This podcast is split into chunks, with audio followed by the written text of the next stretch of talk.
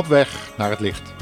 Welkom luisteraar in het familieprogramma van de Stichting Adulam, wat in deze uitzending wil behandelen moderne normvervaging. Normvervaging, vroeger en nu.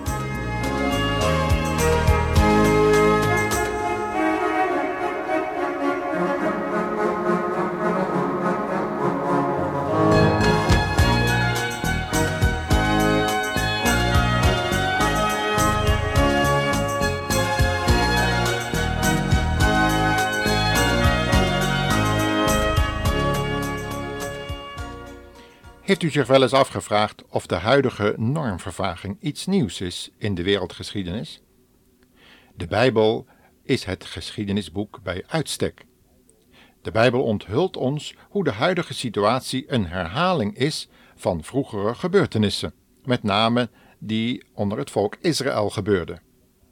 Het is van het uiterste belang hoe de mensen, beter gezegd Gods geest, de geschiedenis van het volk Israël aan ons eigenlijk doorgeeft om ons te leren wat wij niet moeten doen en hoe we ook hoop op herstel kunnen hebben wanneer iets fout is gegaan.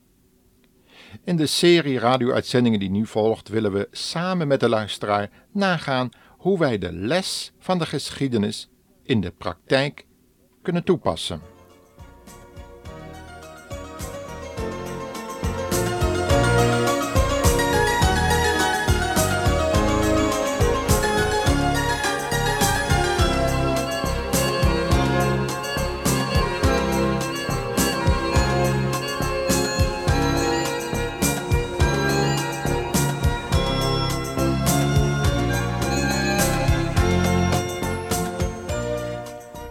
Is het u wel eens opgevallen dat wanneer u een klein beetje van de wereldgeschiedenis kent, dat normvervaging altijd tot anarchie leidt?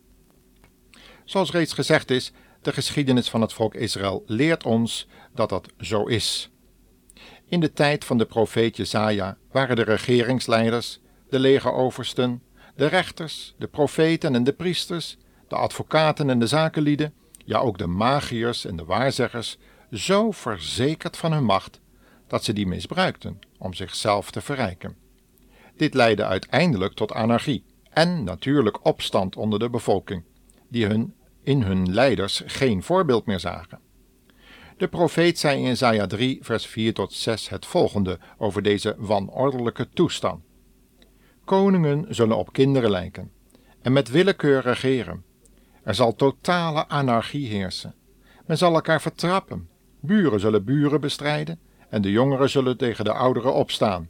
En misdadigers zullen op fatsoenlijke mensen kunnen afgeven. In die dagen zal een man tegen zijn broer zeggen: Jij hebt een mantel, wees daarom onze leider en neem deze puinhoop onder jouw hoede. Hoe was deze, voor ons bijna herkenbare toestand inmiddels? Wanneer was dat zo gekomen? Jezaja geeft het met enkele woorden in het vervolg van zijn reden aan. Omdat zij in woord en daad tegen de Heere zijn opgestaan en hem niet willen vereren. Zij beledigden zijn glorie. De uitdrukking op hun gezichten getuigt tegen hen en laat zien dat ze schuldig zijn. Zij spreken onbekommerd over hun zonde, net als men in Sodom deed. Zij schamen zich er zelfs niet voor. Wat een ramp! Zij hebben hun veroordeling aan zichzelf te danken.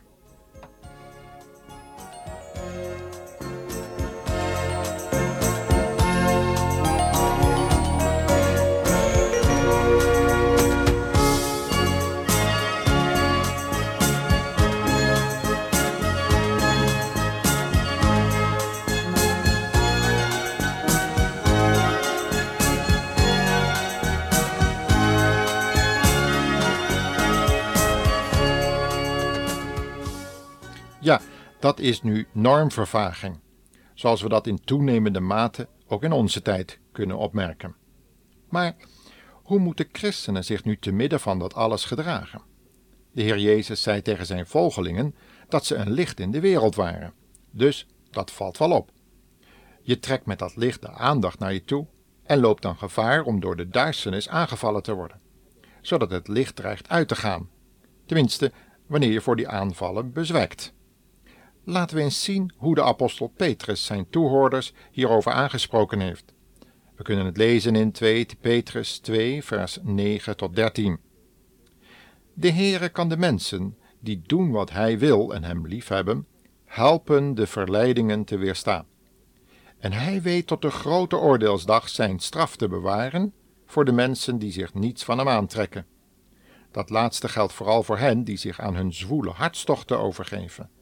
Voor hen die trots en eigenzinnig zijn, die zich van enig gezag niets aantrekken en zonder blikken of blozen met geestelijke machten durven spotten.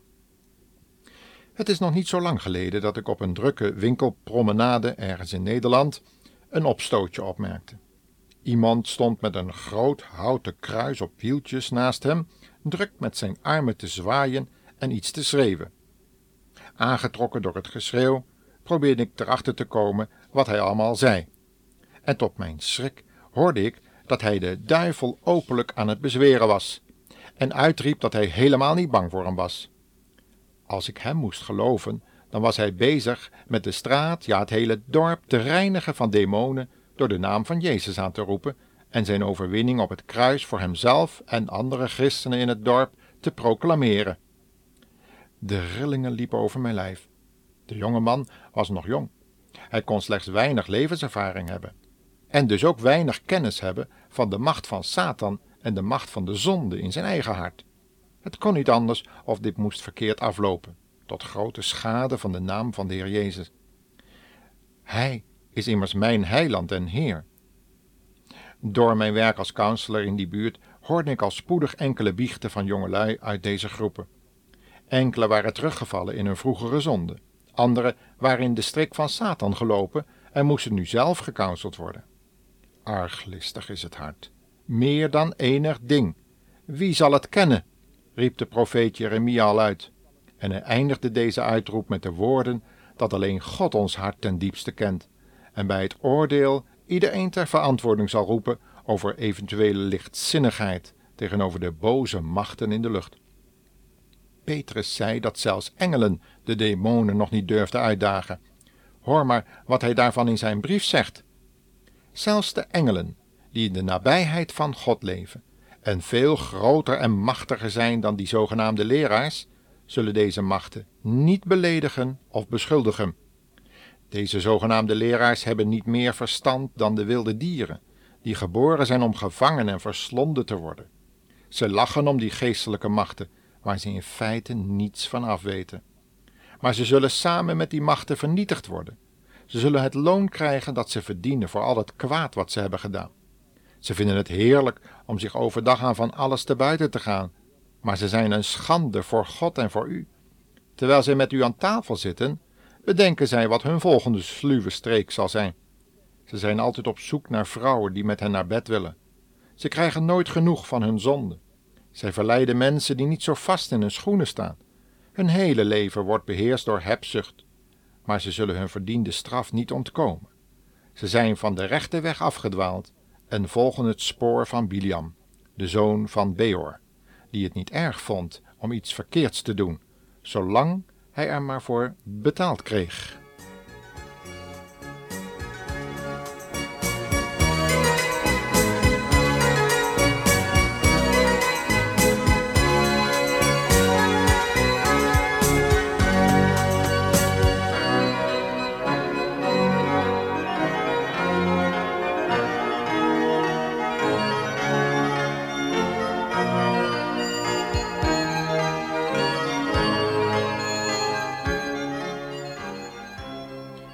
Natuurlijk wil ik met het citeren van deze teksten uit de brief van Petrus niet beweren dat de jonge man die ik daar hoorde spreken voldeed aan de beschrijving die Petrus hier geeft.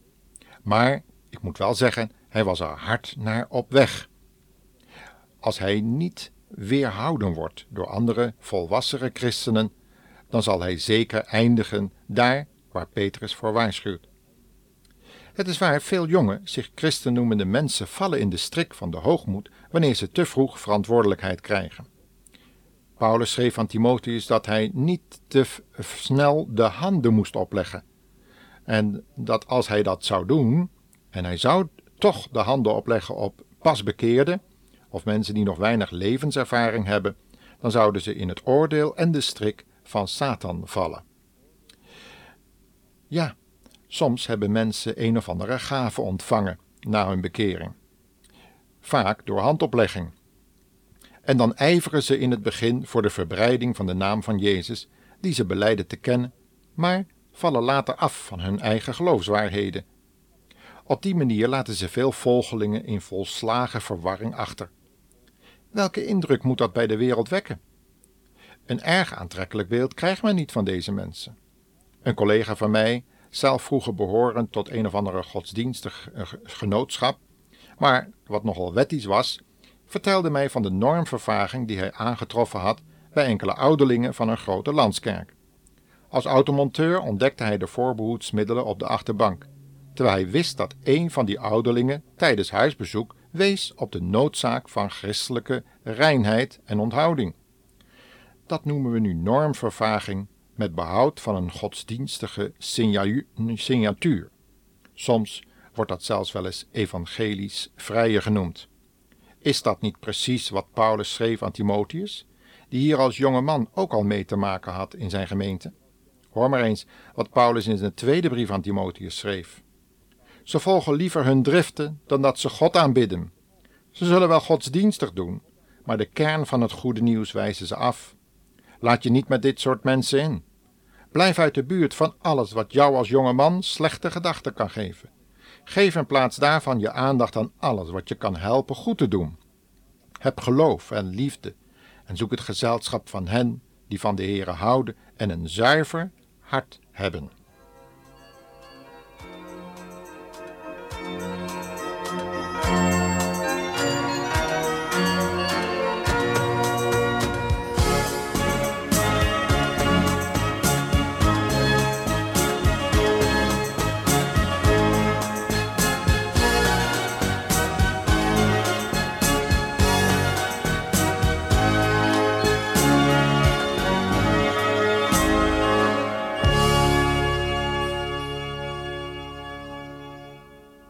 Nu zouden oprechte mensen kunnen denken: wie kunnen we nu eigenlijk nog vertrouwen? En met wie kunnen we nog in vertrouwen omgaan? Ook daar heeft Paulus over nagedacht. En hij zei hiervan: De waarheid van God staat zo vast als een huis. Daar is geen beweging in te krijgen. Op de eerste steen staat: De Heere kent de mensen die echt bij hem horen. Maar wie zichzelf een christen noemt, zou niets verkeerds moeten doen en niets verkeerds moeten zeggen. In een andere vertaling, een oudere vertaling, daar staat: Maar wie zichzelf afzondert, tracht naar iets begeerlijks. En ook dat we ons moeten afzonderen van kwaad. In de brief van Judas staat: De mensen over wie ik daarnet sprak, trekken zich hier echter niets van aan. Zij laten hun fantasie de vrije loop en doen schandalige dingen met hun lichaam. Zij aanvaarden geen enkel gezag spotten met hemelse machten. Ja, spotten met alles wat ze niet kennen en doen precies waar ze zin in hebben, net als dieren, en gaan daaraan ook ten gronde. Zij maken onderscheid tussen de ene christen en de andere, maar dat doen ze omdat ze louter menselijk bezig zijn en de geest van God niet hebben. Het is duidelijk, normvervaging heeft alles te maken met de houding van leidinggevende mensen die hun positie oneer aandoen. Of dat nu regeringsleiders, politiepersoneel, rechters, advocaten of kerkvorsten zijn, het doet er allemaal niet toe. Ieder zal voor zijn eigen daden eenmaal door God ter verantwoording geroepen worden. Maar de boodschap voor oprecht zoekende christenen is: Maar vrienden, u moet uw allerheiligst geloof sterker laten worden en u bij uw bidden laten leiden door de Heilige Geest. Blijf bereikbaar voor de liefde van God. Wacht geduldig op het eeuwige leven dat onze Heer Jezus Christus ons in zijn goedheid zal geven. Leef mee met de mensen die twijfelen. Houd hen vast en red hen uit het vuur. Maar bij sommige mensen moet u voorzichtig zijn met uw medeleven. U zou mogelijk door hun zonde kunnen worden beïnvloed. Haat elk spoor van de zonde. God kan ervoor zorgen dat u niet struikelt. Hij kan u zo ver brengen dat u zonder gebreken en vol blijdschap voor zijn schitterende troon komt te staan. Hij is de enige God. Hij redt ons door onze Heer Jezus Christus.